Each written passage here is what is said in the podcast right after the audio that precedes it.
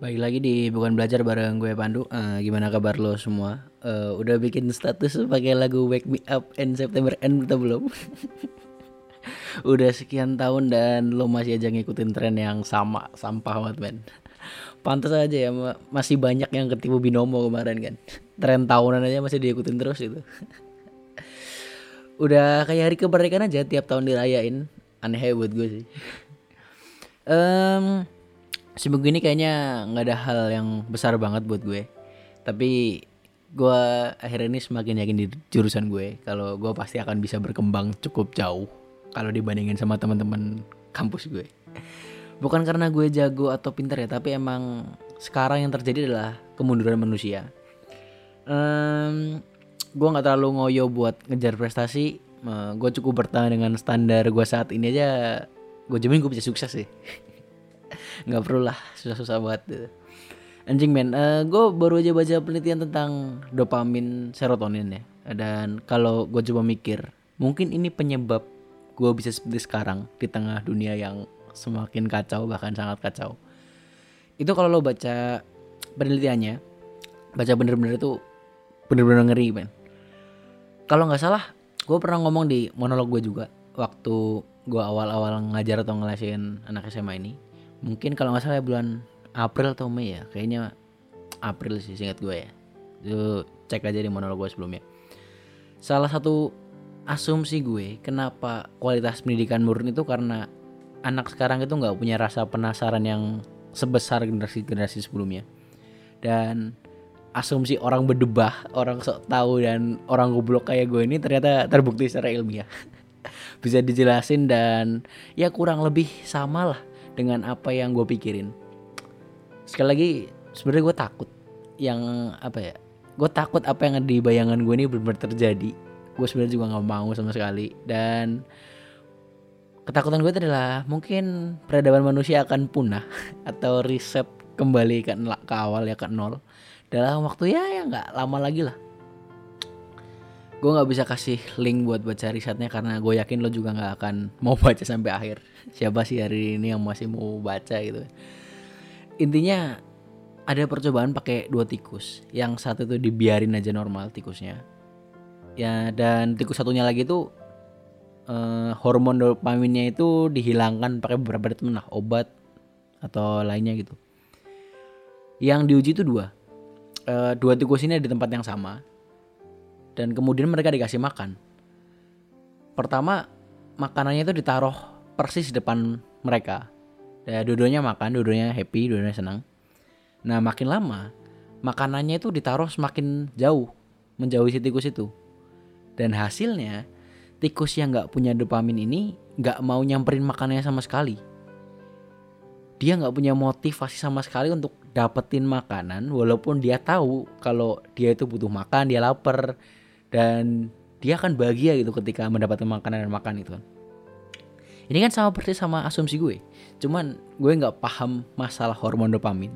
Eh, itu hormon yang ternyata membuat makhluk hidup termotivasi termotivasi atau punya keinginan. Sama serotonin itu hormon yang bikin bahagia. Dan menariknya lagi kalau dilihat dari fisiologi dan psikologi ya apa yang ada sekarang itu secara nggak sadar sedikit demi sedikit menghilangkan hormon dopamin yang ada di badan manusia. Yang berarti ya manusia akan semakin tidak termotivasi karena tidak punya hormon yang seharusnya memotivasi makhluk hidup kan yaitu dopamin tadi. Contoh aja lah pemakaian gadget. Kalau lo sadar ya kita sekarang pakai gadget tuh pasti nunduk. Sedangkan eh, secara fisiologi yaitu eh, badan mempengaruhi otak perilaku nunduk itu akan secara alaminya bakal ngilangin dopamin.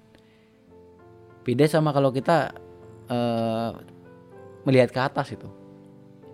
Kalau lo nggak percaya ya coba aja eh, lo nggak akan bisa nangis kalau lo berdiri tegak terus dangak gitu atau lihat atas. Di mana mana kan orang kalau nangis ya pasti nunduk lihat bawah gitu kan. Nah saat itulah dopamin akan berkurang. Hingga mungkin karena terlalu sering nunduk sering main gadget dopaminnya hilang sama sekali di manusia dan dopamin itu sebenarnya akan menimbulkan adiksi ya. Ketika kita udah dapat katakanlah dengan dosis A pasti lama-lama kita butuh dosis yang lebih lagi. Makanya manusia itu akan terus berkembang kan? Kalau dalam sejarah itu akan terus berkembang karena ada dopamin ini.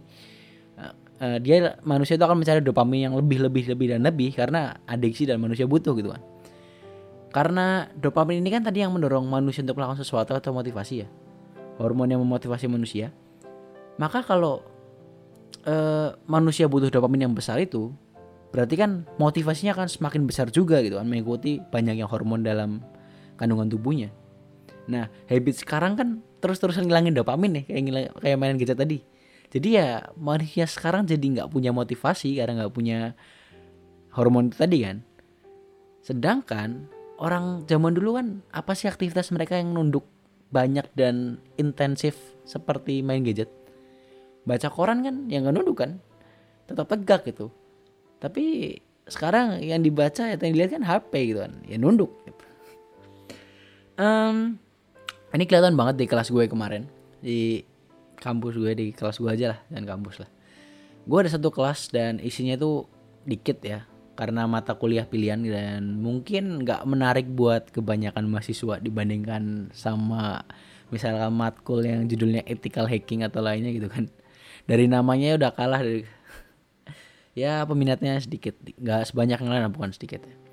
terus mungkin karena dosennya juga uh, mungkin pandangan teman-teman gue ini pas kemarin ya satu setengah tahun dua tahun kelas online memandang dosennya nggak jelas.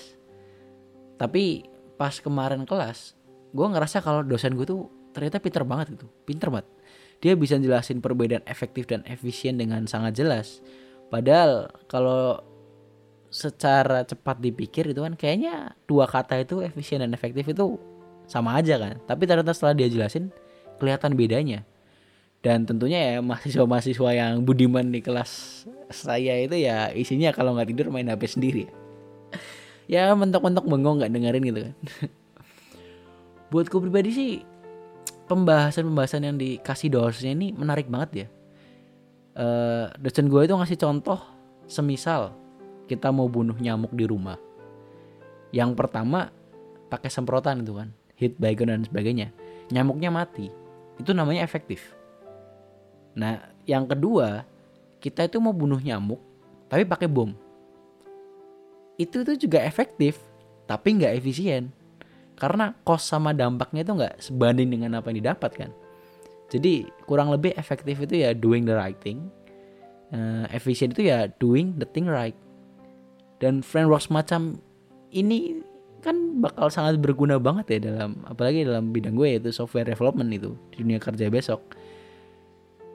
Uh, bagaimana cara membuat software yang efisien dan efektif mengefisienkan lebih lagi mengefektifkan lebih lagi. Tapi sedangkan teman-teman gue ini ya interest aja enggak gitu untuk dengerin gitu. Ya paling segitu aja dari gue. Balik urusin hidup lo sendiri. Sana